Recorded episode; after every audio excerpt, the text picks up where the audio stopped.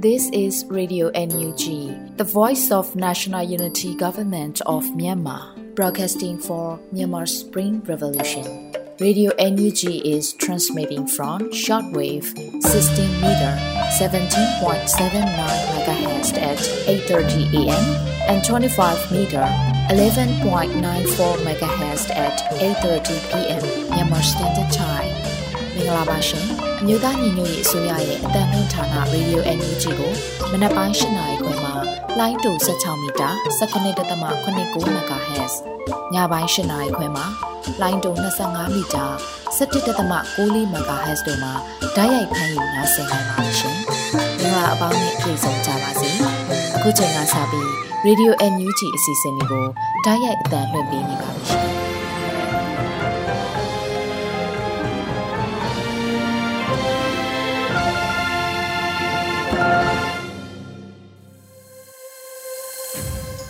မြန်မာနိုင်ငံသူနိုင်ငံသားအပေါင်းတဘာဝဘေးဆရာနာရှင်ဘေးတို့မှကင်းဝေးပြီးကိုစိတ်နှပါအေဂျင့်လုံခြုံကြပါစေလို့ Radio NUG ဖွဲ့သူဖွဲ့သားများကနှုတ်ခွန်းဆက်တာအပ်ပါတယ်။ခုချိန်ကစပြီးနောက်ဆုံးရပြည်တွင်းသတင်းများကိုຫນွေဦးမောင်ကဖတ်ကြားတင်ဆက်ပေးပါမယ်ရှင်။မင်္ဂလာပါခင်ဗျာ။ယခုချိန်ကစပြီး Radio NUG ညနေခင်းသတင်းများကိုဖတ်ကြားတင်ပြပေးပါတော့မယ်။ကျွန်တော်ကတော့ຫນွေဦးမောင်ပါခင်ဗျာ။ပထမအဆုံးသတင်းအနေနဲ့ ပြည်သူလူထုအချင်းချင်းစီးလုံးကြရန်နိုင်ငံတော်၏အတိုင်းအငံပုဂ္ဂိုလ်ဒေါ်အောင်ဆန်းစုကြည်မှမှာကြားခဲ့တဲ့သတင်းကိုတင်ဆက်ပေးပါမယ်။ဇွန်လ23ရက်နေပြည်တော်ရှိအထူးတရားရုံးတွင်ရုံးထုတ်ရာမှာဒေါ်အောင်ဆန်းစုကြည်ကပြောကြားခဲ့တယ်လို့တရားရုံးနဲ့နှီးဆက်တဲ့အတိုင်းဝိုင်းထံမှသိရပါတယ်။ပြည်သူလူထုအချင်းချင်းကူညီကြရန်နဲ့စီးလုံးကြရန်ပြည်သူလူထုအားလုံးကိုလည်းမြစ်တာပုဒ်တာပေးနေပါတယ်လို့ဒေါ်အောင်ဆန်းစုကြည်ကပြောကြားခဲ့တယ်လို့ဆိုပါတယ်။2021ခုနှစ် ဖေဖော်ဝါရီလ1ရက်နေ့စစ်တပ်အာဏာသိမ်းစဉ်ကတည်းကဖမ်းဆီးခံထားရတဲ့ဒေါ်အောင်ဆန်းစုကြည်ဟာဇွန်လ19ရက်နေ့မှာအသက်89နှစ်ပြည့်မြောက်မှာဖြစ်ပါတယ်ခင်ဗျာဆက်လက်ပြီးလူသားအလုံးမခွဲခြားဘဲတရားမျှတမှုနဲ့တန်းတူညီမျှမှုတို့ပြည့်ပြည့်ဝဝရရှိနိုင်ရေးအတွက်ကြိုးပမ်းဆောင်ရွက်သွားမယ်လို့လူအခွင့်ရေးရာဝန်ကြီးကကတိပြုပြောကြားခဲ့တဲ့သတင်းကိုတင်ဆက်ပေးပါမယ်။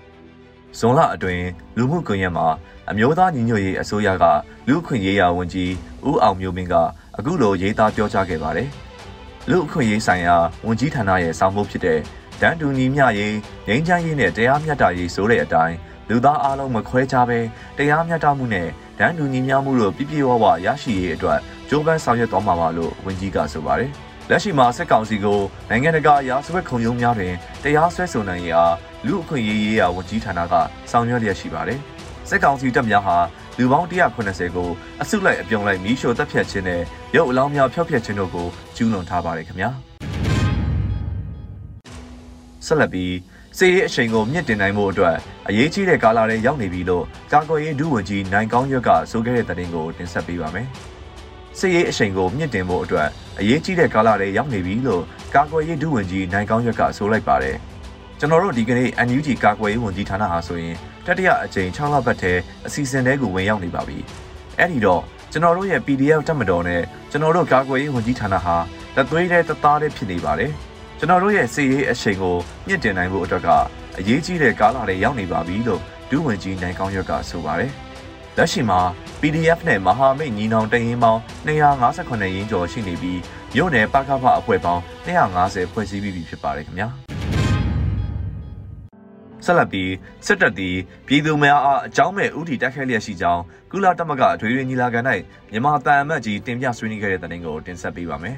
။စစ်တပ်သည် ပြည်သူများအားစီရေးမဟာဗျူဟာအသွင်အကြောင်းမဲ့ဥတီတိုက်ခိုက်လျက်ရှိကြောင်းကုလသမဂ္ဂအထွေထွေညီလာခံ၌ကျင်းပသည့်အလွတ်သဘောအစည်းအဝေးတွင်မြန်မာတန်အမတ်ကြီးဦးကျော်မိုးထွန်းကတင်ပြဆွေးနွေးခဲ့ပါတယ်။ဇွန်လ23ရက်ကျင်းပတဲ့ကုလသမဂ္ဂအထွေထွေညီလာခံ၌တန်အမတ်ကြီးဦးကျော်မိုးထွန်းမှပြောကြားခဲ့တာဖြစ်ပါတယ်။ နိုင်ငံအနှံ့ပြောင်းတွင်ဖြစ်ပေါ်နေသည့်တရားမဝင်စစ်တပ်အုပ်ချုပ်မှုကိုစန့်ကျင်သောဒေါ်လန်ရေးကိုထိန်းချုပ်နိုင်ခြင်းမရှိသည့်အတွက်စစ်တပ်သည်ပြည်သူများအားစစ်ရေးမဟာဗျူဟာအသွင်အကြောင်းမဲ့ဥတီတက်ခတ်လျက်ရှိကြောင်းဤတက်ခတ်မှုများကြောင့်ပြည်သူတန်းကျော်သည်နေရက်စွန့်ခွာနေရပြီးပုဂ္ဂလိကပိုင်းအဆောက်အအုံနှင့်ဘာသာရေးအဆောက်အအုံ2200နီးပါးကိုစစ်တပ်မှမီးရှို့ဖျက်ဆီးခဲ့ကြောင်းထို့အပြင်လူသားချင်းစာနာထောက်ထားမှုအကူအညီများကိုပိတ်ဆို့ရန်စစ်တပ်မှနီလန်ပေါင်းစုံဖြင့်ကြိုးပမ်းလျက်ရှိရာ၎ င်းသည်အပြည်ပြည်ဆိုင်ရာလူသားချင်းစာနာထောက်ထားမှုဆိုင်ရာဥပဒေကိုချိုးဖောက်မှုဖြစ်ကြောင်းဆိုခဲ့ပါတယ်။ထို့အပြင်လက်ရှိမြန်မာနိုင်ငံရဲ့စီးပွားရေးအခြေအနေသည်စိုးဝါးစွာကျဆင်းလျက်ရှိရာနိုင်ငံလူဦးရေရဲ့တဝက်ခန့်သည်စင်ရဲနွမ်းပါမှုအဆင့်အောက်သို့ကြားရောက်နေကြောင်းမြန်မာပြည်သူ14.4တန်းသည်လူသားချင်းစာနာထောက်ထားမှုအကူအညီလိုအပ်လျက်ရှိကြောင်းအရေးပေါ်အကူအညီလိုအပ်နေသူများထံနီလန်အားလုံးအသုံးပြု၍အကူအညီများရောက်ရှိရေးသည် အထူးအရေးကြီးကြောင်းမြန်မာအတန်အမတ်အကြီးဦးကျော်မိုးထွန်းကဆိုခဲ့ပါတယ်ခင်ဗျာဆက်လက်ပြီးအင်းစိန်အကျဉ်းထောင်တွင်အစာငတ်ခံဆန္ဒပြသည့်အကျဉ်းသား17ဦးလုံးကိုထောင်အာဏာပိုင်များကရိုက်နှက်၍တိုက်ပိတ်ထားတဲ့တဲ့တင်ကိုတင်ဆက်ပေးပါမယ်။ပြီးခဲ့သည့်ဇွန်လ10ရက်နေ့9ရက်နေ့နဲ့10ရက်နေ့များတွင်ဒေသန်အတီးပြုသည့်အကြောင်းအရာအပေါ်နိုင်ငံရေးအကျဉ်းသားများကအစာငတ်ခံဆန္ဒပြခဲ့ကြောင်းအင်းစိန်အကျဉ်းထောင်နှင့်နီးစပ်သည့်အတိုင်းဝိုင်းကအတီးပြုခဲ့ပါတယ်။ အဆိုပါတိုက်ပိတ်ခံရသည့်နိုင်ငံရေးအကျဉ်းသား17ဦးကိုလူခွဲ၍တိုက်ပိတ်ထားခြင်းဖြစ်ကြောင်းသိရပါတယ်။ပြီးခဲ့သည့်ရက်ပိုင်းကကိုဖြိုးစေရတော်နဲ့ကိုဂျင်မီတို့ကိုစစ်ကောင်စီကဒေသန်အတီးပြုမှုအားနိုင်ငံရေးအကျဉ်းသားများကမတရားသည့်လုပ်ရအဖြစ်ကန့်ကွက်ခဲ့ကြပါတယ်။လက်ရှိတွင်ရက်ွယ်ဒေသန်ချမှတ်ခြင်းခံထားရသူ42ဦးအပါအဝင်ဒေသန်ချမှတ်ခံထားရသူစုစုပေါင်း114ဦးရှိပြီဖြစ်ကြောင်း AABB မှတ်တမ်းအရသိရှိရပါတယ်ခင်ဗျာ။ဆက်လက်ပြီး စီမီကုံရင်နဲ့စိတ်ကမ်းမှာလုံခြုံရေးလိုက်လာသောစီတမောအားဒရုန်းပေါ်မှအီနာကဖြစ်ကျဲချရာစစ်ကောင်စီတပ်ဖွဲ့ဝင်6ဦးသေဆုံးခဲ့တဲ့တဲ့တင်ကိုတင်ဆက်ပေးပါမယ်။ဇွန်လ23ရက်မနက်10:00နာရီ9မိနစ်ချိန်တွင်စီမီကုံရင်နက်စိတ်ကမ်းမှအကြမ်းဖက်စစ်ခွေးများသည်စီတမောနှင့်လုံခြုံရေးလိုက်ပါလာသောအကြမ်းဖက်စစ်ခွေးတမော8စီအားကြိုရန်စုံစင်းရာလမ်းတစ်လျှောက်လက်နက်ကြီးများဖြင့်လမ်းကြောင်းရှင်းလင်းရန်ပစ်ခတ်သွားခဲ့ပါသည်။ကျွန်တော်တို့မဟာမိတ်ညီနောင်များမှလမ်းခုလမ်းမှဖျက်တောက်တိုက်ခိုက်ရာ အကြမ်းဖက်စစ်ကောင်စီတပ်မှ2ဦးသေဆုံးသွားပါတယ်လို့ဆိုပါတယ်။အကြမ်းဖက်စစ်တပ်များမှလည်းအဆက်မပြတ်စနိုက်ပါဖြင့်ပြန်လည်ပစ်ခတ်နေ၍မဟာမိတ်များမှပြန်လည်ဆုတ်ခွာခဲ့ပါတယ်။ထို့နောက်အကြမ်းဖက်စစ်တပ်များ၏စီသင်္ဘောများရှိသို့ကျွန်တော်တို့ညီနောင်မဟာမိတ်များမှအပြင်းချီတက်ကဒရုန်းစစ်စင်ရေးစတင်ခဲ့ပါတယ်။ပထမတွင်စစ်ခွေးများ၏ထောက်ပို့စီသင်္ဘောအားဖျက်ဆီးရန်စီစဉ်ခဲ့တော်လဲအဆိုပါစီသင်္ဘောမီးလောင်၍ မြစ်ကြောင်းအတွင်းမျောကုန်ရင်မြေဘေးရှိရွာများမီးလောင်ကုန်ပြီကိုစိုးရိမ်သဖြင့်ညနေ၄နာရီတွင်60မမလက်နက်ကြီးတပ်ဆင်ပြီးလုံခြုံရေးလိုက်လာသောစီသင်္ဘောအားအီနာကာဖြင့်ဖရဲသည့်တလုံးဤပွိုင်းပြသည့်အတိုင်းတိုက်ခတ်ခဲ့ရာစစ်ကောင်စီတပ်အများစုထိုင်နေသောအလဲတဲတဲသို့ကြားရောက်ပောက်ကွဲခဲ့ပါတယ်လို့ထပ်မံဆိုခဲ့ပါတယ်။အဆိုပါပောက်ကွဲမှုတွင်တမောကုန်းဘက်ပေါ်ရပ်နေသောစစ်ကောင်စီတပ်2ဦးသာထွက်ပြေးနိုင်ခဲ့ပြီးအကြမ်းဖက်စစ်တပ်က6ဦးမရှုမလဘဝကူးသွားခဲ့တယ်လို့ဖော်ပြပါတယ်။ တိုက်ခိုက်မှုအားရောင်မြို့နယ်ပြည်သူ့ကာကွယ်ရေးနဲ့လုံခြုံရေးအဖွဲ့ CDSOM နဲ့ညီနောင်မဟာမိတ်ကိုအဖွဲ့မှလက်တွဲညီညီပူးပေါင်းတိုက်ခိုက်ခဲ့ကြပါတယ်။အခုတင်ပြပေးခဲ့တဲ့သတင်းတွေကိုတော့ Radio NUG သတင်းတောက်မင်းမင်းကပေးပို့ထားတာဖြစ်ပါတယ်ခင်ဗျာယခုဆက်လက်ပြီးသတင်းနဲ့အတူလူမှုစကားသံအစီအစဉ်ကဏ္ဍကိုတင်ဆက်ပေးတော့မှာဖြစ်ပါတယ်ကိုကိုသူများလိန်နာမခံရအောင်ညွန်ပြပေးတဲ့ပညာရေးမျိုးကိုပြည်သူတွေကရွေးချယ်ကြဖို့ CDM ဆရာတွေကတိုက်တွန်းပါတယ်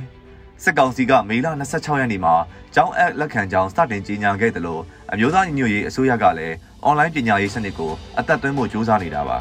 ပြည်သူတွေအနေနဲ့ကလေးတွေပညာရေးအတွက်စိုးရိမ်နေရတာကိုနားလည်ပေမဲ့ကိုယ့်ကိုသူများလိန်တာမခံရအောင်ညွှန်ပြပေးနိုင်တဲ့ပညာရေးမျိုးကိုကလေးတွေအတွက်ရွေးချယ်ပေးစီခြင်းတယ်လို့ CDM တက္ကသိုလ်ဆရာတယောက်ကပြောပါတယ်။ကျောင်းမတက်ရင်တို့နောက်ကျသွားမှာလား။ပညာရေးကိုဘယ်လိုစဉ်းစားကြမလဲ။ တို့ကျောင်းအပ်တင်လားမအပ်တင်လားကြောက်လည်းမေးတဲ့ကျောင်းသားမျိုးတွေတော်တော်များများရှိတယ်။ဘယ်ကျောင်းကိုပတ်ရမလဲ။ပညာရေးပုံစံဟာ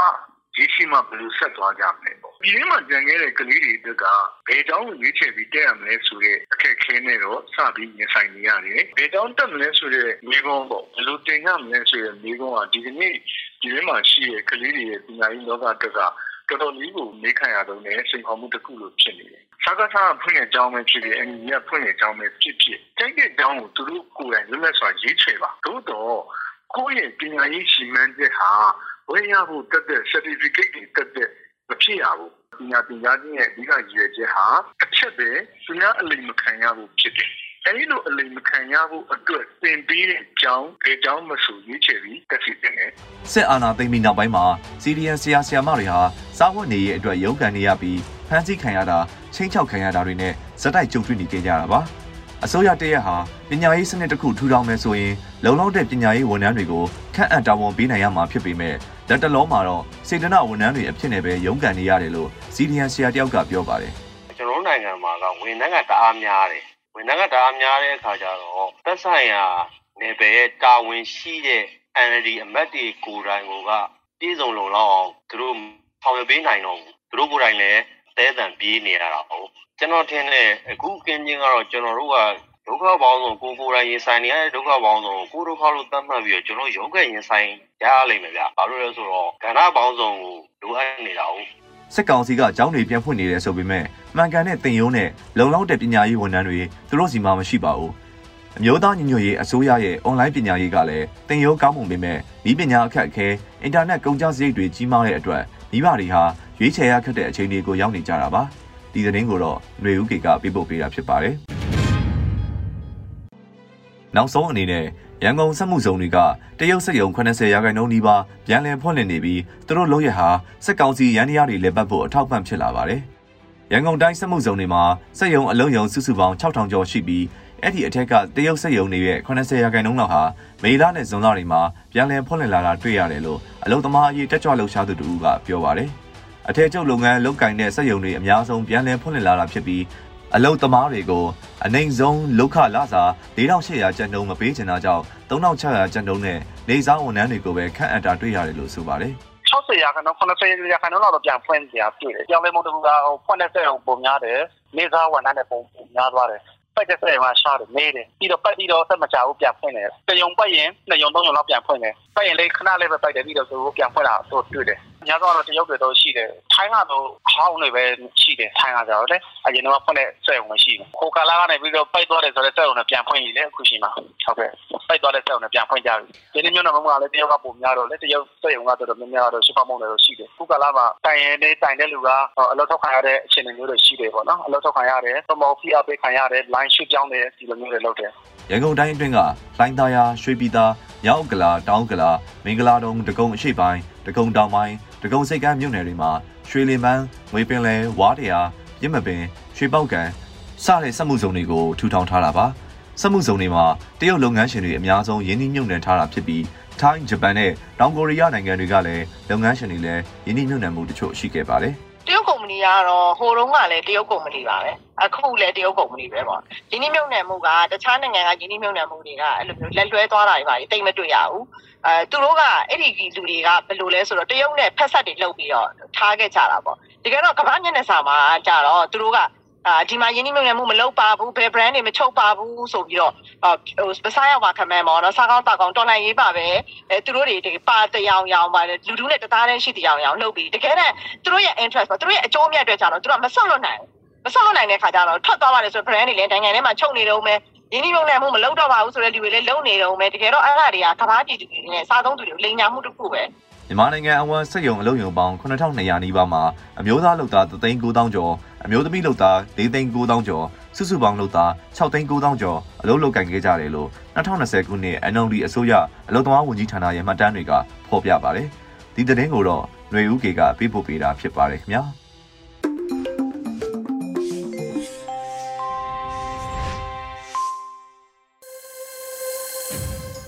Radio NUG မှဆက်လက်အတန်းလွှင့်နေပါတယ်ခုဆက်လက်ပြီးစောက်ကတ်ထဲကကဘာနဲ့မြမဆိုတဲ့မြမနွေဦးခရိုနီကယ်မိုးမခမြင်ကွင်းဆောင်ပါလေးကိုတော့ကျမနွေဦးမွန်ကဖတ်ကြားတင်ဆက်ပေးပါမယ်ရှင်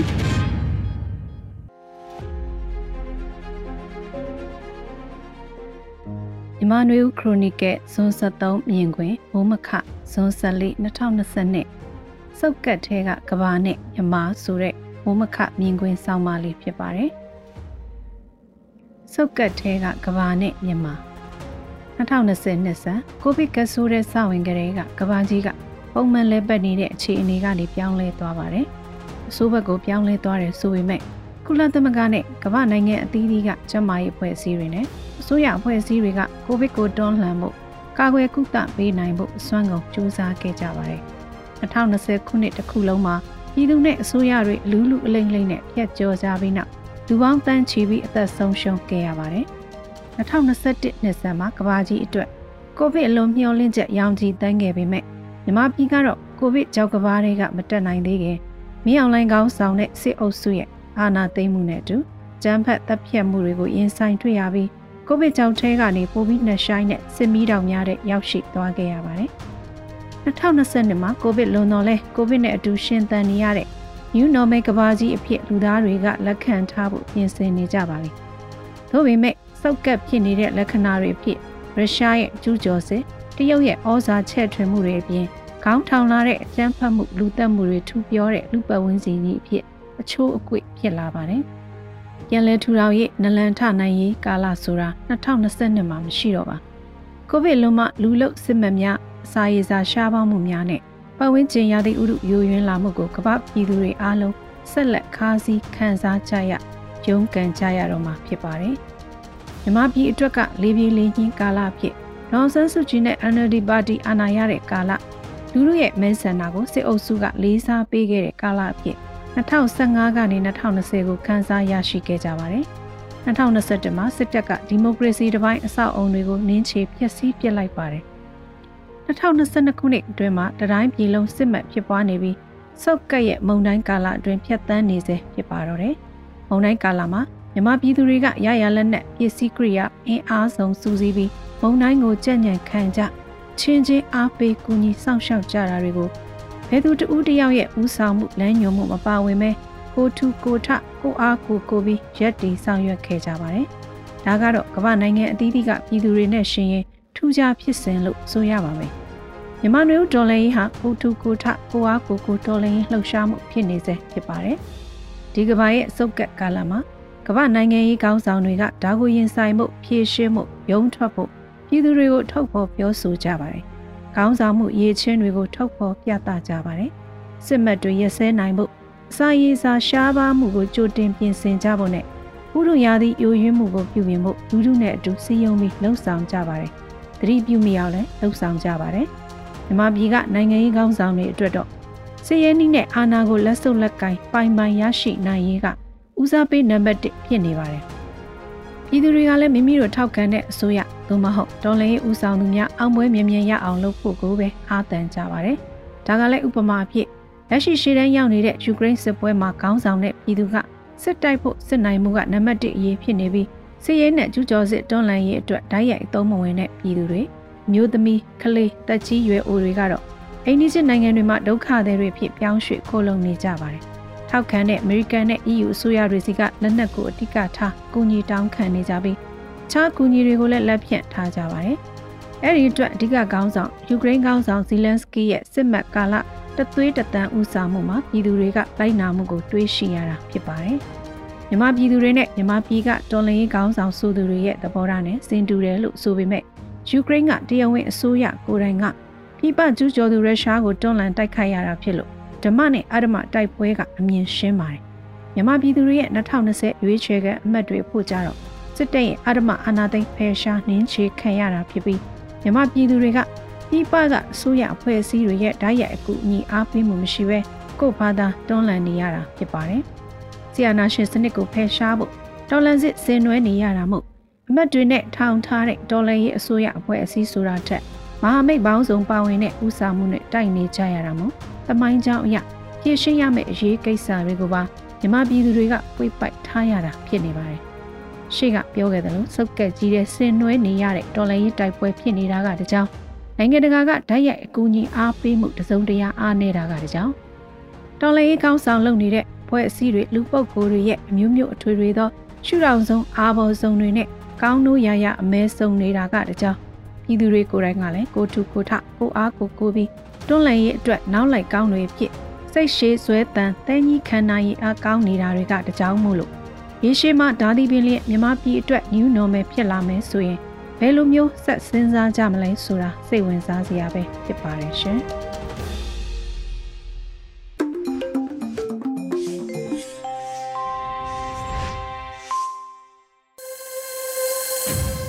ခုဆက်လက်ပြီးတင်ဆက်ပေးမှာကတော့ Radio Energy တော်လင်းရေးဒေဂီတာအစီအစဉ်ဖြစ်ပါတယ်။ထိန်လင်းရေးသားပြီးတချို့စုပြီးဆိုထားတဲ့ဝစ်ဆုံဆိုတဲ့ဒေသချင်းလေးကိုနားဆင်ကြရပါမယ်ရှင်။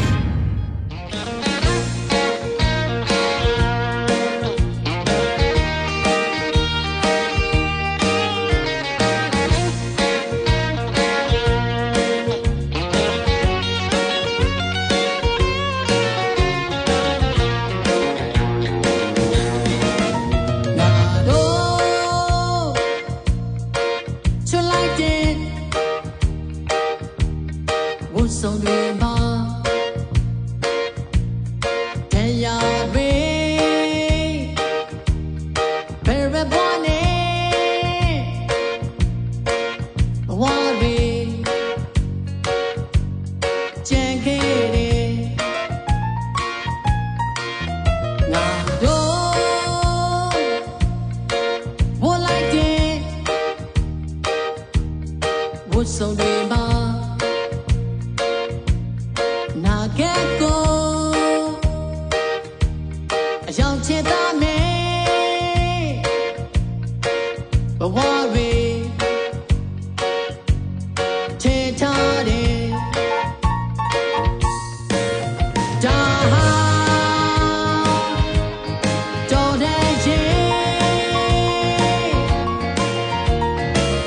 ဖြစ်တွေ့မွေ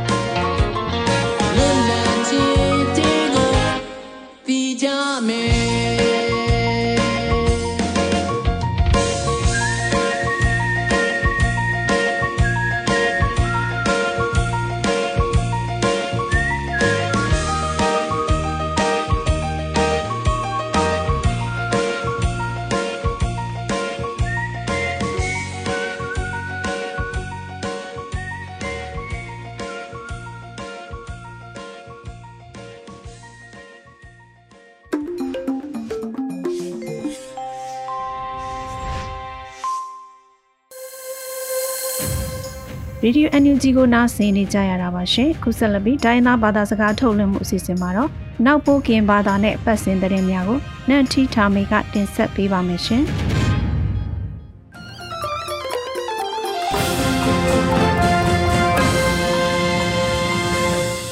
နေမမကွာဒေလာစိပစဝင်းဆုံပါပါစစ်စားစစ်ရှောင်းဝိုင်ပဒူအန်ယူဂျီနော်လောဘိုနိုင်ရောမှုဒပလောက်ထိုင်ပါနေသည်မူထန်နူယာဘတ်တရာလန်တာစပရလဖာနော်လော ပါလကဒုပလောက်တစပရလဖာနော်ဘမဝိဒယာနန့်ထီထမီနော်လောစပရကန်တဲ့ကရွေးနော်လက်ကိုရီးယားခန့်ဒူတီခန့်ဖဘာထုတ်ဖောင်ချဗီဇာလောက်ဘာခန့်ပြန်တီခန့်ဖို့တရာရောကပလစ်ထန်အကန်အန်ယူဂျီပမာစပူဂိုင်မူဒါခုနော်လီထုခွန်တိုင်စနော့ဂိုင်ထထန်တိုင်းစပရလစပရယောလလာယူကစီကတန်တာဦးနော်လောအလောကိုရီးယားခန့်ဒူတီခန့်တဲ့ဂျွန်ဝိတ်ဖစရပတန်လောက်ဘာခန့်ပြန်တီခန့်ဖို့တရာရော စုထွေရှာနလန်ဆိုင်ထန်စမလန်တော့ဖောင်နိအကြောင်းမို့တူမာဆာထဝိဒါကနိအက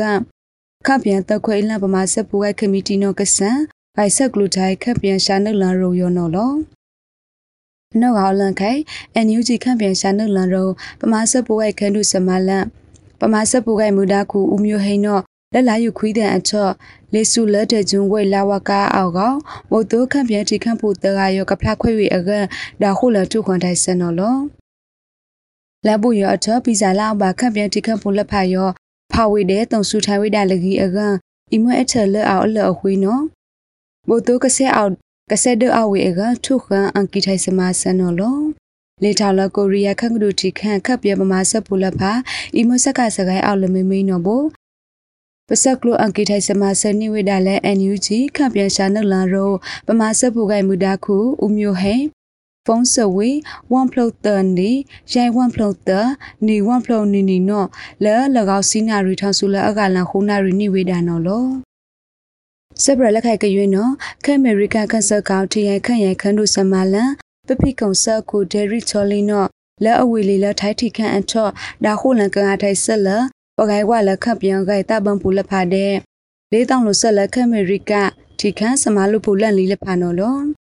စကန်အခုလန်မုတ်ဖຫນွေဥပလန်ကုတ်တူဖရှာနုလန်လနန်နန်ထခုလန်ပါဝေးတာကောလက်ຫນွေဥစဒုဆရာတိုင်းဆက်အဖန်းကိုတပန်အဆက်ဆောင်မောင်လက်ဖာစခုတော်မှာဖလောက်ချန်ထုတ်ဖို့ဖန်စကုံမကုတ်တီဂိုင်လက်ဖာ CDN စမလို့ပူလက်ဖာတဲ့စရာစရာမှုအဂိုင်ဖန်လက်ဖာကမခုလန်ဆက်လက်ခအမေရိကထိခန့်လက်ဖာနော်လောဒယ်ရစ်ချော်လီယောအိုင်ထောင်ဆူလထိုင်ထိခန့်မဲစာဝိတ်ဖောကောလေထောင်ဆူစီလ စကားခေစဒုတ်တုဒုလန်လက်ဖာဖောနော်အဂိုင်ပတိယပါနော်လောလက်ရည်စတူဖက်ဒရယ်တန်တောင်ကျောင်း YFHS ဘထုတ်ဆွအာထန်တိုင်းစမလူဘူးလဖာနောအဂိုင်ဒုတိယထဝိဒါလက် Facebook လိပ်လိပ်ဖန်ကူနော်လောသာမွဲပရှုထန်ဆက်တော့ KG စမလူဘူးလဖာနောလန်နီတောင်နီစင်နီနေလာအော့ကသစီကတန်ချော့အတဤဖွေးထန်ရိုက်နေနော်ကထုတ်ဆွထဝိဒါနော်လော လက်ဘူရောချဝိတ်တန်စကမကုတ်တီရဲ့ဘုတ်ခရလက်ဖာတဲ့ white ဆန်ဝေလန် online first ကမကုတ်တီလက်ဖာနော်ထုတ်ဆော်ထိုင်ဝိဒါနောဂိုင် NUG စကမကုတ်တဲ့ခန္ဓုစမလန်နောပုပတိယာချာနော်လောစပရလက်ခိုက်ကြွေနော်ຫນွေဦးစဒုတ်ဆရာထိုင်ဆက်ယောဂိုင်ကဲထန်ကန်ခုစတောင်းလို့ဆက်အတောင်းနော်ဂိုင်လလာယုကစီနီတဲ့အထောခိုးစီခိုးစမလို့ပူလန့်လီခုနာကိုမင်းကိုနိုင်နော်ကွေဒုဖလောက်ထန်ချာနော်လောကမ္လစဒုတ်ဆရာထိုင်ဆက်အက ຫນွေဦးစဒုတ်ဆရာထိုင်ဆက်ယောဂိုင်ကဲထန်ကန်ခုစတောင်းလို့နေလဆက်အတောင်းယုံနော်လောတန်တောင်ဦးကျော်မိုးထွန်းဂိုက်ထိုင်မှာအတူရရှာတန်တောက်ပါမာထိုင်စနောပဒပါနော်လောလန်နီတောင်လေးစီကနေလာဖေဖော်ရီကတန်ကအလန့်ခိုင်ကမ္လစဒုဆရာထိုင်တုတ်စငိုင်းစဝါလက်ဖာဂိုက်ကိုက်ထန်နော်လောအန်ယူဂျီစပ်ဒန်စဂိုက်ခန်ဒူနော်အန်ကေထိုင်စူဝိုင်းစမဆောကောခန့်ခုဒူတဲ့ခန့်ဒူထန်နော် ဂိုက်ဒပလောက်ထန်တာတူအီမွဲ PDF နော်ဂိုက်ထောက်လအမေရယုံနော်လောအီမွဲတုတ်ဖူကောင်းနော်ဘို့အော်ဒါမအမတန်ဆမာကကောဆအတုအဝေးတိလက်တိရလဘတာအစမနောအဂိုင်လောင်လောင်ဝိဒါနောလောစပရလက်ခိုက်တဲ့အယူနော်လမ်းပါလက်လာယူကစင်နီတဲ့ကန်ခုဖူတာလက်ဖအမှုနီစနိုင်ရောဖို့တော်မဝိဒါလက်လိကိကိုစကားခေစဒုတ်တုတ်ဒုလန်ပေါ်ကောဥဒါစိတ်လက်ဖအကမိုင်ဝိဒါစမမိုင်ဝေစမုစလာလက်ဖနော်လော လက်စတီလန်ဒိုလန်ဖောပူဒါစိတ်လက်ဖအကအန်ကေဘာစုဖာအီဝိဒါဆာစမမုတ်မာလာဝိဒါလက်စတဝီစဒအန်ချဝိဒါလက်စန်ဆောင်းလဖာတဲ့ဖိလန်အဝိဒါဖုဒါစပုတ်လန်လဖာနော်လောလက်ဒုတ်လန်ရောအဖဖုဒါစိတ်အဝိဒါအကတရပလနောအခိုင်ပတိယဘာနော်လောမူထနွေရဘတ်စထရလန်တာစပရလဖာနော်မွဒါခွေရောလောပခုနာစပုတဲ့ခပ်ပြတိခန်စီကနေပါတိုင်းစမုတ်ဆရှူအဖလိုက်ကပစုံရေးဆုံးပါပါနော်လော